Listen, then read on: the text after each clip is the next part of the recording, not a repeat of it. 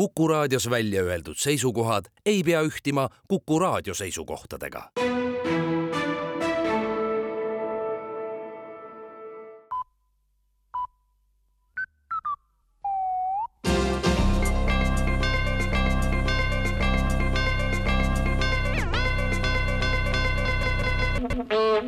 uudised on eetris ja stuudios Rohke Debelak Tallinna linnavalitsus annab teada, et esitleb homme pealinna teedevõrgu arengukava. suvel antakse käiku arvukalt tee-ehitusobjekte, mis kava kohaselt jäetakse siis pooleli ja arengukava näeb ette, et pooleli nad ka jäävad. kogemused näitavad, et värskelt remonditud teelõik tuleb alati poole aasta, aasta või kahe pärast hiljemalt üles kaevata, sest midagi läks meelest, midagi läks valesti või läks õigesti, aga tulid lõpuks teised mõtted. kui teelõik või terve piirkond on aga kogu aeg pooleli või terve linn, siis on ka lihtsam ja odavam uuesti kaevamine kaevamistega alustada, sest seda pole sisuliselt üldse lõpetatudki. ka inimesed on siis harjunud, et siin ja seal ja tegelikult igal pool käib kogu aeg kaevamine, liikuma ei pääse ja keegi enam lõpuks ei virise. igikestvad teetööd on, arvestades Tallinna traditsioone, linnale ainuõige lähenemine, teatab linnavalitsus riigikogu aga kiitis heaks muudatused eelnõus, mis võimaldavad eraisikutel paigaldada teedele automaatseid kiiruskaameraid ja saada nendega fikseeritult rikkumistelt ka laekuv trahviraha oma eelarvesse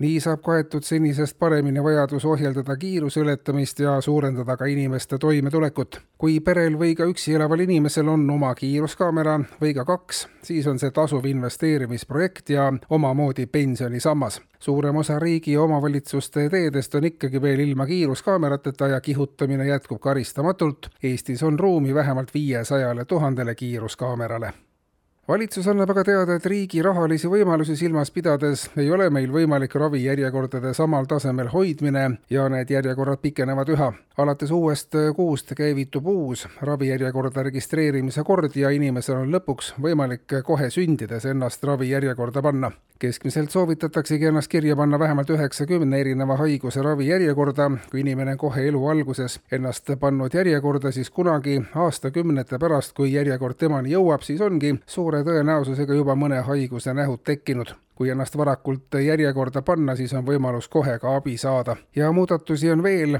koht ravijärjekorras muutub alates uuest kuust ka päritavaks, mis tähendab, et kui inimene siiski ei jõua ära oodata oma järjekorda, siis saavad temale mõeldud ravi kasutada tema lapsed. nii nagu paljud haigused on päritavad, nii saab päritav olema ka koht ravijärjekorras, teatab valitsus ja veel annab Maaeluministeerium teada, et on teinud ettepaneku karjalaskepäeva tähistamiseks iga kuu teisel kolmapäeval. senine karjalaskepäeva esinemine vaid üks kord aastas aprillikuus ei rahulda karjakasvatajaid, sest vajadus oma loomakari maha lasta esineb oluliselt sagedamini kui aastas korra. kui karjalaskepäev on aga kaks korda kuus, siis esialgsete prognooside kohaselt annab see loomakasvatajatele laiemalt kindlama jalgealuse. eetris olid uudised